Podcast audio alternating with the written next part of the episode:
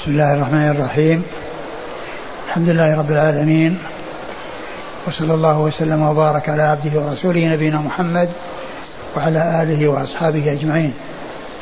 أما بعد فالحديث التاسع عشر من الأحاديث الأربعين للإمام النووي رحمه الله عن أبي العباس عبد الله بن عباس رضي الله تعالى عنهما قال كنت خلف رسول الله صلى الله عليه وسلم فقال يا غلام لا أعلمك كلمات. أحفظ الله يحفظك أحفظ الله تجد تجاهك إذا سألت فاسأل الله وإذا استعنت فاستعن بالله واعلم أن الأمة لو اجتمعوا على أن ينفعوك بشيء لم ينفعوك إلا بشيء قد كتبه الله لك ولو اجتمعوا على أن يضروك بشيء لم يضروك إلا بشيء قد كتبه الله عليك. رفعت الأقلام وجفت الصحف. رواه الترمذي وقال حديث حسن صحيح وفي لفظ لغير الترمذي احفظ الله تجده أمامك. و, و... تعرف إلى الله في الرخاء يعرفك في الشدة. واعلم أن ما اصابك واعلم أن ما أخطأك لم يكن ليصيبك وما أصابك لم يكن ليخطئك. و... وأن الفرج وأن وأن واعلم أن النصر مع الصبر وأن الفرج مع الكرب وأن مع العسر يسرا. هذا حديث عظيم من وصايا الرسول الكريم صلى الله عليه وسلم أوصى به ابن عمه عبد الله بن عباس رضي الله تعالى عنهما وهي وصية عظيمة جامعة نافعة وهو من جوامع كلم الرسول الكريم عليه أفضل الصلاة وأتم التسليم.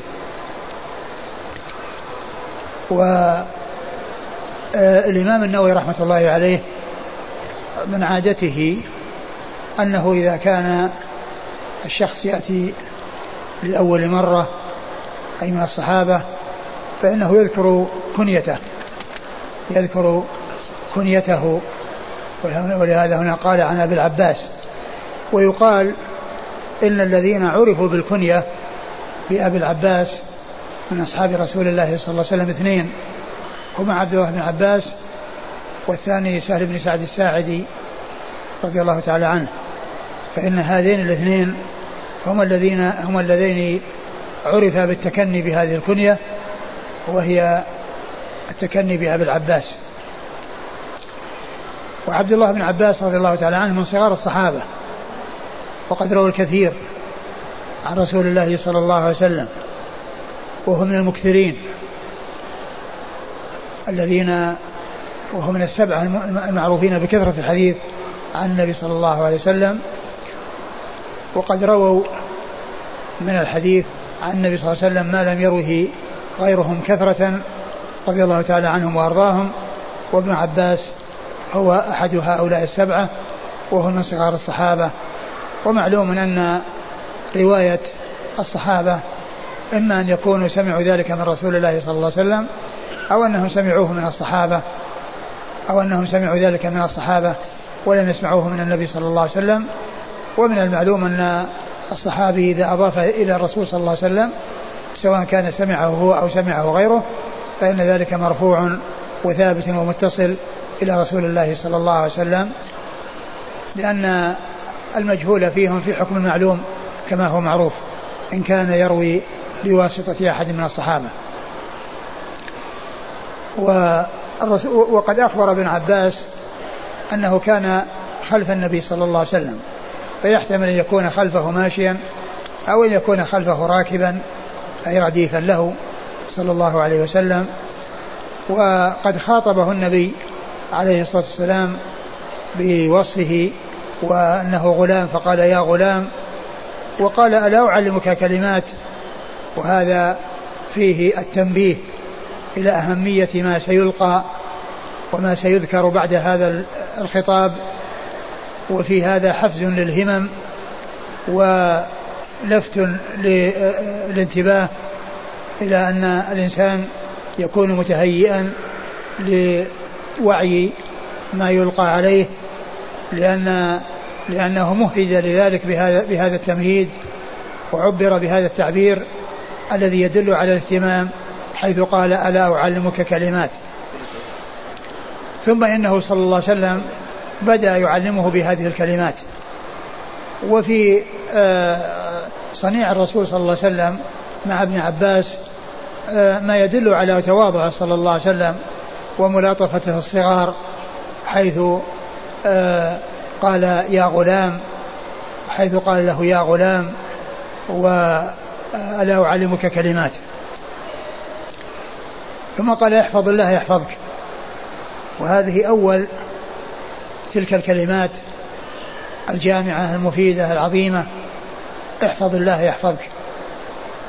والمقصود بحفظ الله عز وجل حفظ حدوده وشرائعه وأمره ونهيه بحيث يكون الإنسان ممتثلا الأوامر مجتنبا النواهي مصدقا الأخبار عابدا الله عز وجل وفقا لما شرع في كتابه وفي سنة رسوله صلى الله عليه وسلم.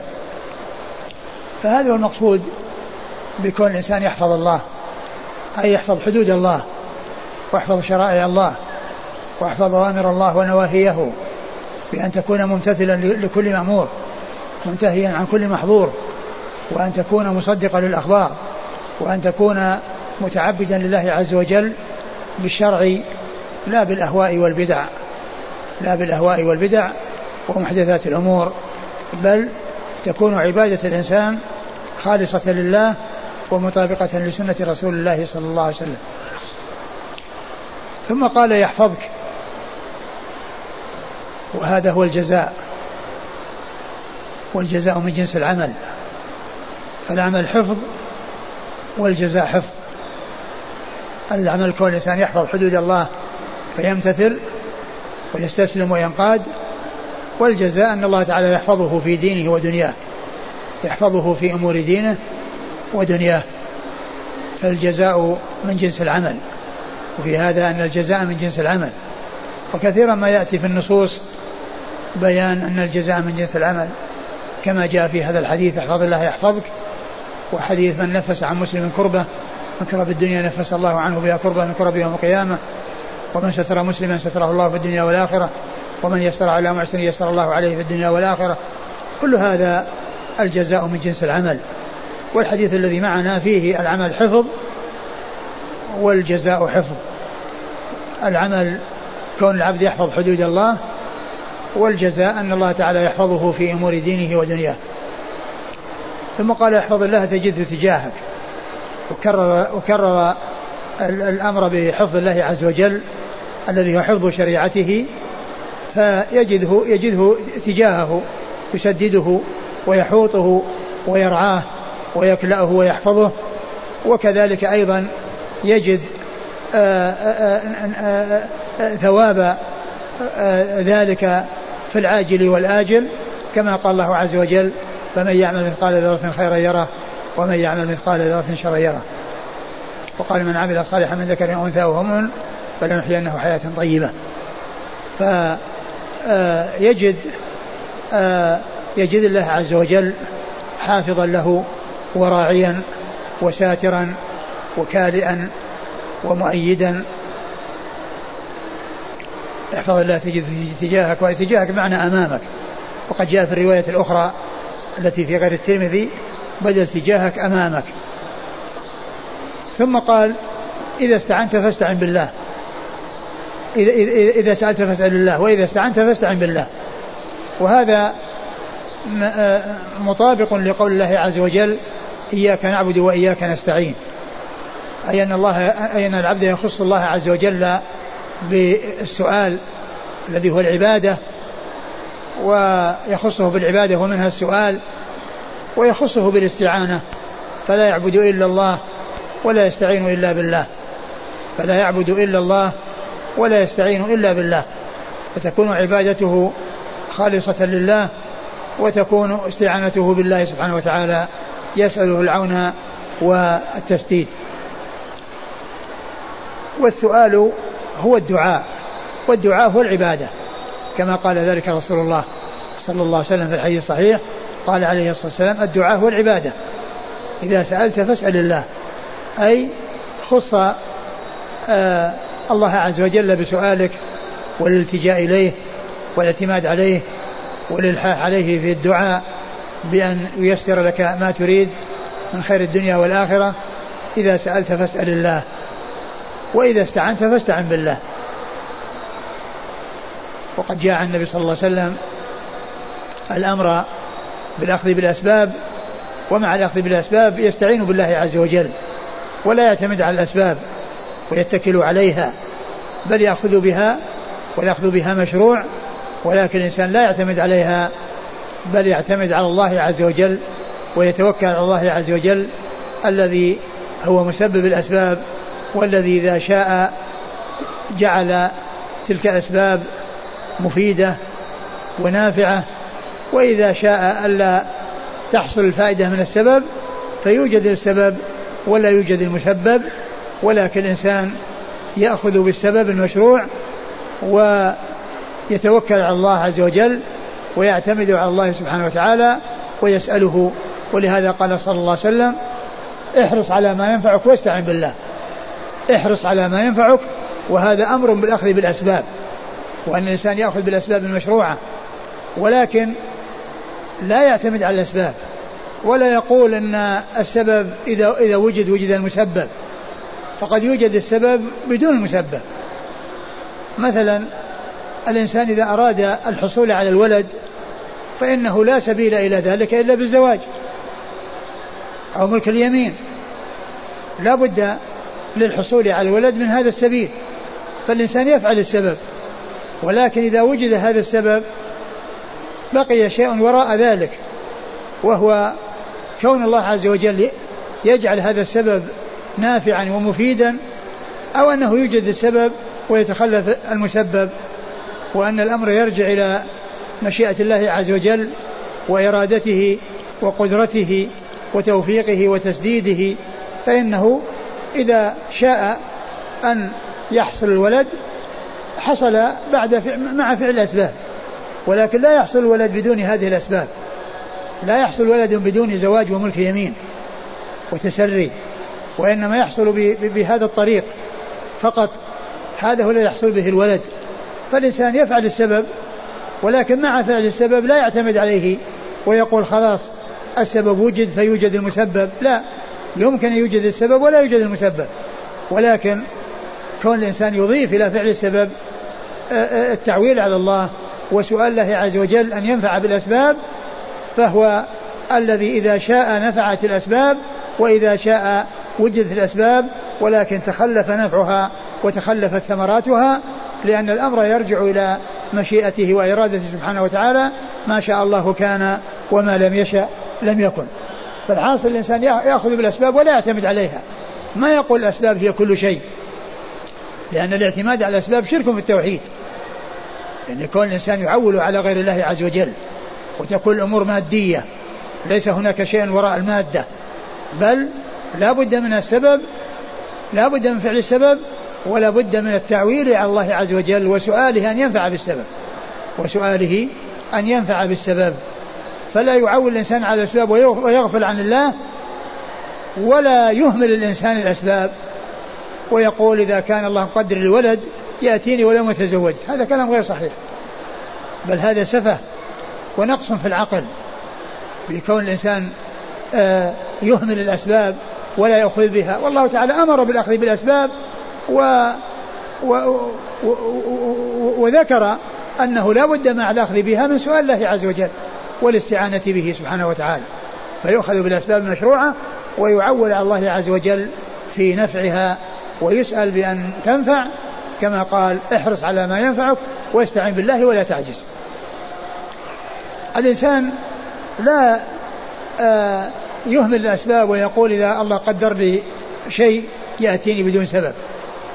بل الإنسان يسعى لتحصيل الرزق ويسعى لتحصيل الولد ويسعى لتحصيل كل ما يعود عليه بالنفع في أمور دينه ودنياه ومع سعيه وبذله للأسباب المشروعة لا يقول إن الأسباب هي كل شيء وأنه إذا وجد السبب وجد المسبب لا يمكن أن يوجد السبب ولا يوجد المسبب ولا يأتي المسبب مع السبب إلا إذا شاء الله عز وجل وأراد الله أن يحصل آه، أن تحصل تلك الثمرة وتحصل تلك النتيجة فعند ذلك يوجد المسبب تبعا للسبب.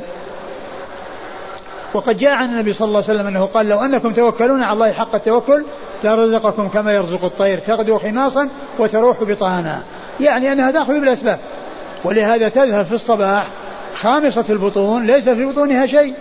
ثم ترجع في الرواح وقد امتلأت بطونها. فقال عليه الصلاة والسلام تغدو خماصا وتروح بطانا. فكذلك الإنسان يفعل السبب ويتوكل على الله عز وجل. يفعل السبب ويتوكل على الله. ما يكون توكل بدون فعل الأسباب يعني بحيث الإنسان يقول خلاص إذا الله مقدر لي شيء يأتيني فيجلس في بيته ويقول الله مقدر رزق يأتيني في بيتي. لا لا بد من من الأخذ بالأسباب المشروعة وإلا فإن ذلك يكون من السفة ولا يكون توكلا بل هو تواكل بل هو تواكل وليس بتوكل. ولهذا يقول بعض العلم ان ان, أن الاعتماد على الأسباب شرك التوحيد ومحو الأسباب أن تكون اسبابا نقص في العقل. ومحو الأسباب أن تكون اسبابا نقص في العقل. كل إنسان يقول إذا كان الله مقدر لي شيء خلاص أنا ما أظهر من بيتي. أو يقول أنا خلاص إذا كان مقدر لي ولد يأتيني ولو ما تزوجت. هذا نقص في العقل. لأن الزواج لا يح... الولد لا يحصل لا عن طريق الزواج أو عن طريق التسري الذي هو ملك اليمين. إذا سألت فاسأل الله. وإذا استعنت فاستعن بالله. هذا مثل قول الله عز وجل إياك نعبد وإياك نستعين. أي نخصك بالعبادة ونخصك بالاستعانة. لكن إذا كان الإنسان يقدر على شيء وطلب منه الإعانة فإن ذلك لا بأس به بأن يطلب منه أن يشفع له أو يطلب منه أن يعينه على حمل شيء كما جاء في الحديث وتعين الرجل في دابته فتحمله عليها صدقة.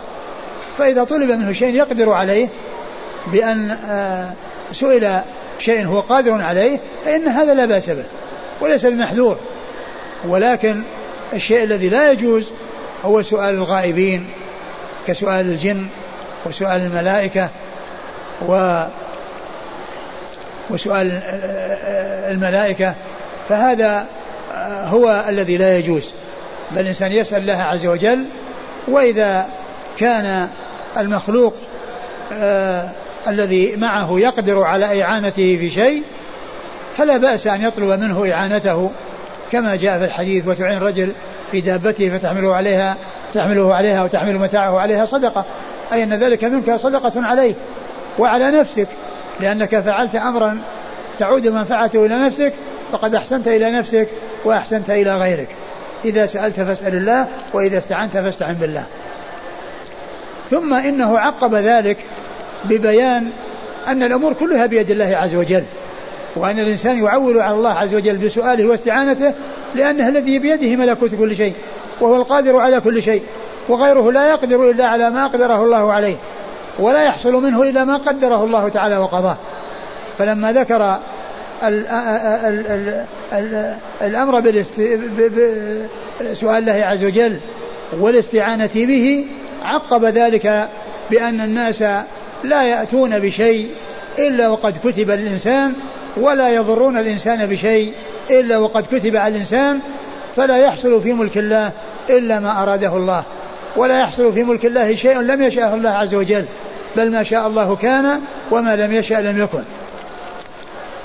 ولهذا قال بعد قوله إذا سألت فاسأل الله وإذا سألت فاستعن بالله واعلم أن الأمة لو اجتمعوا على أن ينفعوك بشيء لم ينفعوك إلا بشيء قد كتبه الله عليك. يعني لا يحصل منه شيء لا, لا يحصل منهم شيء غير مقدر.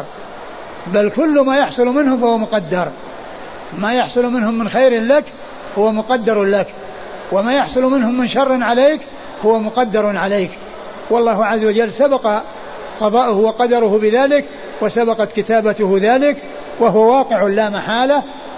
أي أن ما قدره الله لك لا بد أن يحصل لك وما قدره الله عليك من الضرر فلا بد وأن يقع عليك. ولا يحصل في ملك الله إلا ما شاء الله عز وجل والعباد لا ينفعون إلا إذا جعل الله آه، إلا إذا شاء الله عز وجل نفعهم ولا يضرون أحدا إلا إذا شاء الله ضررهم. لذلك الذي آه، أرادوا ضرره فالأمر كله يرجع إلى مشيئة الله وإرادته وإلى قضائه وقدره سبحانه وتعالى.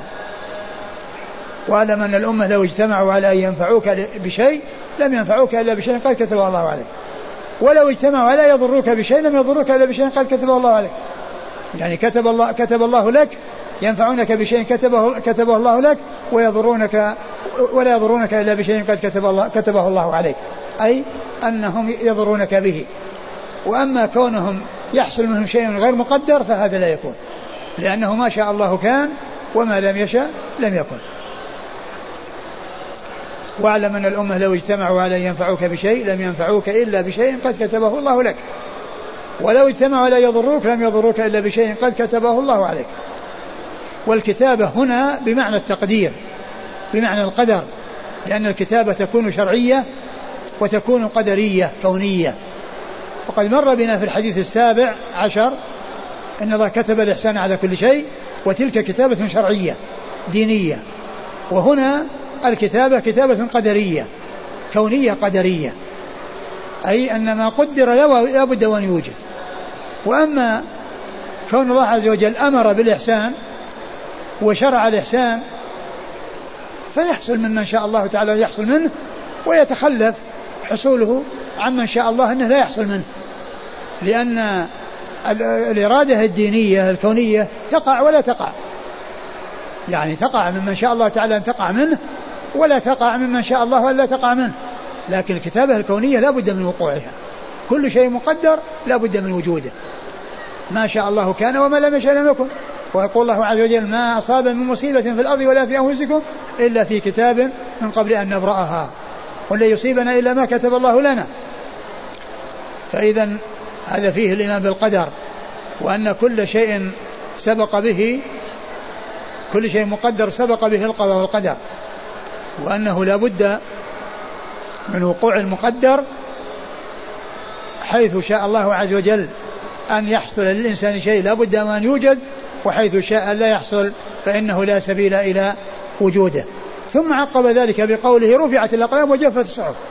وهذا تأكيد للجملة السابقة أو الجملتين السابقتين التي فيها إثبات القدر وأنه لا يقع من العباد إلا مقدر. سواء كان خيرا أو شرا. سواء كان نفعا أو ضرا فإنه لا يقع منه إلا شيء إلا قد قدره الله عز وجل. رفعت الأقلام أي انتهت الكتابة وفرغ من الكتابة في اللوح المحفوظ وسطر في اللوح المحفوظ ما سطر وكل ما كتب في اللوح المحفوظ لا بد وأن يوجد. وجفت الصحف أي الكتابة التي حصل حصلت في اللوح المحفوظ جفت. يعني المداد قد جف. بمعنى أنه فرغ من ذلك وانتهي من ذلك أي أن الله عز وجل قدر كل ما هو كائن ولا بد وأن يوجد ذلك المقدر وفقا لما أراده الله عز وجل وما شاءه سبحانه وتعالى. رفعت الأقلام وجفت الصحف يعني أمر فرغ منه وشيء قد انتهي منه واللوح المحفوظ كتب فيه ما كتب ولا بد من وقوع ذلك المكتوب ولا بد من وقوع ذلك المقدر على وفق آه، على وفق ما أراد الله عز وجل أن يوجد عليه يعني ذلك المقدر. هذا لفظ الترمذي. ثم قال في لفظ غيره أي غير الترمذي احفظ الله تجده أمامك بدل تجاهك في المرة الأولى أو في الرواية الأولى. ثم قال تعرف إلى الله في الرخاء يعرفك في الشدة أي أنك في حال سعتك وحال رخائك. عليك أن تشتغل بطاعة الله عز وجل وبعبادته سبحانه وتعالى حتى إذا أصابك شدة تجد من الله عز وجل الفرج وكشف الكرب وكشف الشدة. وذلك أن الإنسان إذا عمل في رخائه وفي سعته الأعمال الصالحة فإنه في حال شدته وكربه آه، يكشف الله عز وجل ما به من كرب ويكشف ما به من من شدة. وكما قال الله عز وجل ومن يتق الله يجعل له مخرجا ويرزقه من حيث لا يحتسب. وقال فلولا أنه كان من المسبحين للبث في بطنه إلى يوم يبعثون. وقصة أصحاب الغار الثلاثة التي ثبتت صحيح عن رسول الله صلى الله عليه وسلم آه، هي من أمثلة ذلك.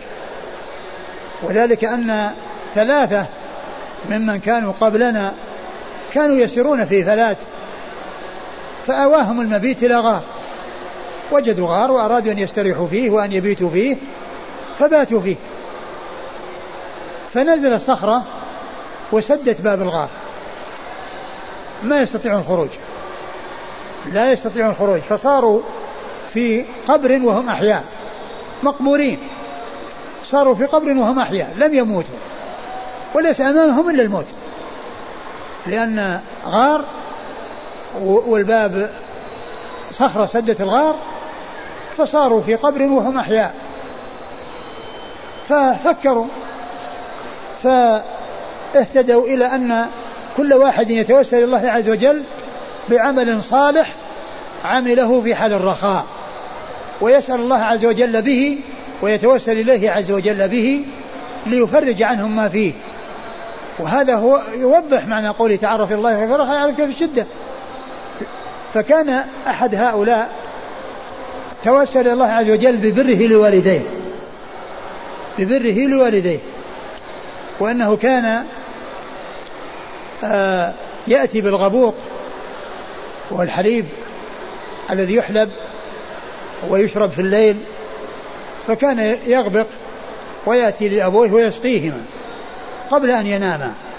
وفي ليلة من الليالي ندت الإبل وبعدت عن المكان الذي كانت فيه آه، في في غالب أحيانها وفي غالب الأحيان مما اضطره إلى أن يتأخر فجاء إليهما وقد ناما. فكره أن يوقظهما وكره أن ينام خشية أن يستيقظ وقد نام فلا يتمكن من إعطائهما ذلك الغبوق فوقف ينتظر يقظتهما ينتظر يقظتهما ولم يشأ أن ينام خشية أن يستيقظ ولا يعني آه يعني آه يحصل لهما ذلك أو لا يعني يطلع على ذلك. أو يعثر على ذلك فوقف حتى استيقظا وشربا. فقال الله اللهم إنك تعلم أني فعلت ذلك ابتغاء وجهك فافرج عنا ما نحن فيه. فانفرجت الصخرة شيئا قليل إلا أنهم لا يستطيعون الخروج.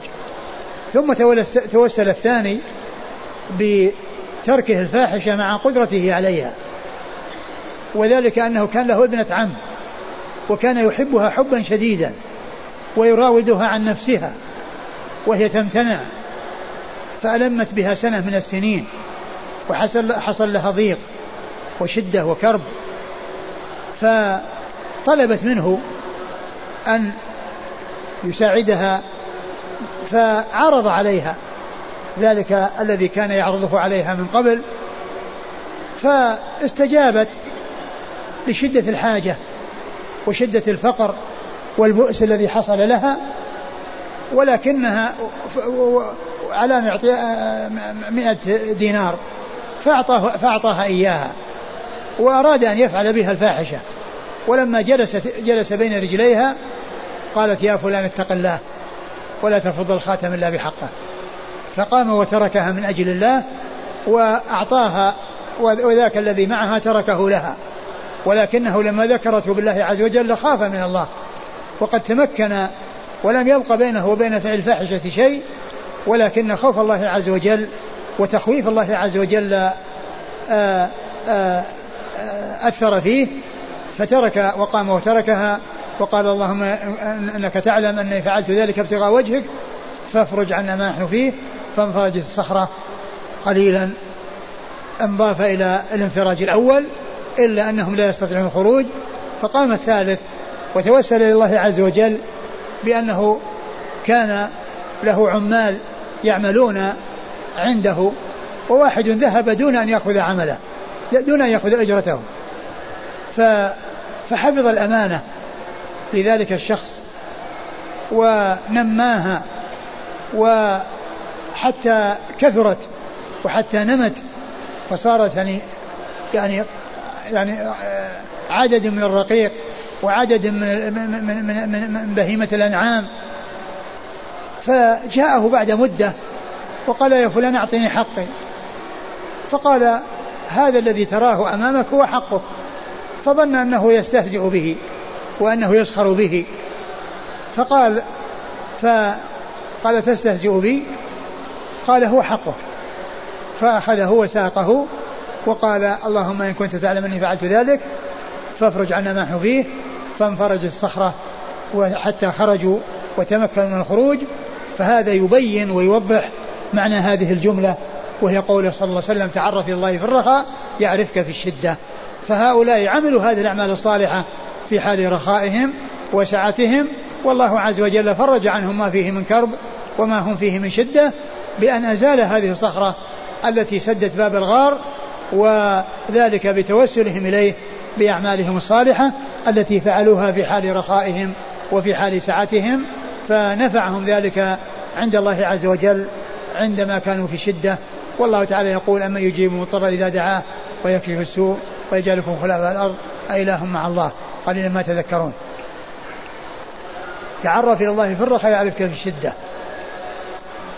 ثم قال واعلم أن ما أخطأك لم يكن ليصيبك وما أصابك لم يكن ليخطئك. هاتان الجملتان آآ آه، آآ آه، معناهما أن كل شيء لم يقدره الله عليك أن أي شيء لم يقدر عليك لا يمكن أن يحصل لك. كل شيء فاتك ولم يقدر لك فإنه لا يمكن أن يحصل لك. شيء لم يكتب لك لا يقع. وكل, وكل شيء قدر لك لا بد وأن يوجد. لا يخطئك. الشيء الذي قدر لك فإنه لا يخطئك بل لا بد وأن يحصل لك. والشيء الذي لم يقدر لك لا يمكن أن يصيبك ولا يمكن أن يحصل, أن يحصل لك. وهذا هو معنى الكلمتين اللتين تنبني عليهما عقيدة المسلمين في باب القضاء والقدر وهما ما شاء الله كان وما لم يشأ لم يكن. ما شاء الله كان وما لم يشأ لم يكن. فإن قول ما شاء الله كان يوافقها وأن ما أصابك لم يكن ليخطئك. يعني معنى ما أصابك لم يكن ليخطئك ما شاء الله كان. وما أخطأك لم يكن ليصيبك ما لم يشأ وما لم يشأ لم يكن. ما أخطأك لم يكن ليصيبك يعني ما لم يشأه الله فإنه لا يكون. ما شاء الله كان وما لم يشأ لم يكن. فقوله آه واعلم أن ما أخطأك لم يكن ليصيبك هي تعادل وتماثل ما ما لم يشأ لم يكن. ما لم يشاء الله فإنه لا يكون. وما شاء الله كان هي موافقة لقوله وما أصابك لم يكن ليخطئك ما أصابك لم يكن ليخطئك شيء مقدر لك ومقدر عليك لا بد أن يوجد. وشيء لم يقدر فإنه لا يحصل لك. ما شاء الله كان وما لم يشأ لم يكن. فعقيدة المسلمين في باب القضاء والقدر مبنية على هاتين الكلمتين. ما شاء الله كان وما لم يشاء لم يكن لم يكن. وهذا الحديث أو هذه القطعة من الحديث هي يعني يعني هذه الجملة التي هي تنبني عليها عقيدة المسلمين دليلها هو هذا الحديث وهي مطابقة لهذا الحديث. ما أخطأك لم يكن ليصيبك وما أصابك لم يكن ليخطئك. ثم قال واعلم أن النصر مع الصبر. النصر مع الصبر. النصر على الأعداء إنما يكون بالصبر على الجهاد وعدم الفرار بل بالتحمل والصبر. وقد جاء في الحديث لا تتمنوا لقاء العدو. لا تتمنوا لقاء العدو فإذا لقيتموه فاصبروا واعلموا أن الجنة تحت ظلال السيوف. لا تتمنوا لقاء العدو لأن الإنسان قد يتمنى شيء ولكنه إذا حصل حصلت المقابلة تغير فقد يؤدي ذلك إلى الفرار فيكون متعرضا للوقوع في كبيرة من الكبائر السبع التي جاءت في حديث التنبي السبع الموقات ومنها والفرار من الزحف. لا تتمنوا لقاء العدو فإذا لقيتم فاصبروا إذا ابتليتم اصبروا ولا تفروا. وتنهزموا بل أقبلوا واصبروا ولا تفروا. واعلم أن النصر مع الصبر لا يكون مع الضعف ومع الخور ومع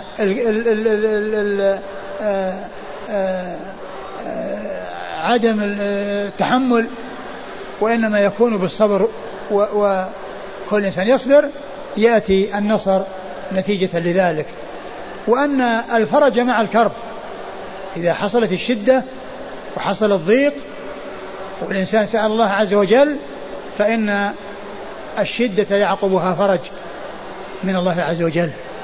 وأن مع العسر يسرا إذا حصل العسر والضيق يعقب ذلك اليسر من الله عز وجل كما قال الله عز وجل سيجعل الله بعد عسر يسرا وقال إن مع العسر فإن مع العسر يسرا إن مع العسر يسرا.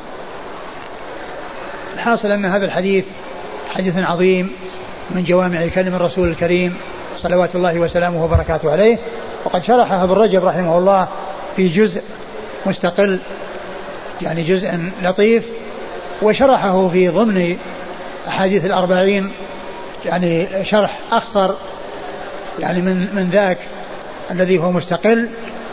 فهو فقد شرحه استقلالا وشرحه تبعا لتلك الأحاديث أو في جملة تلك الأحاديث التي هي آه، الأحاديث التي اختارها الإمام النووي رحمه الله. والله تعالى أعلم وصلى الله وسلم وبارك على عبده ورسوله نبينا محمد وعلى آله وأصحابه أجمعين. جزاكم الله خيرا وبارك الله فيكم ونفعنا الله ما قلت.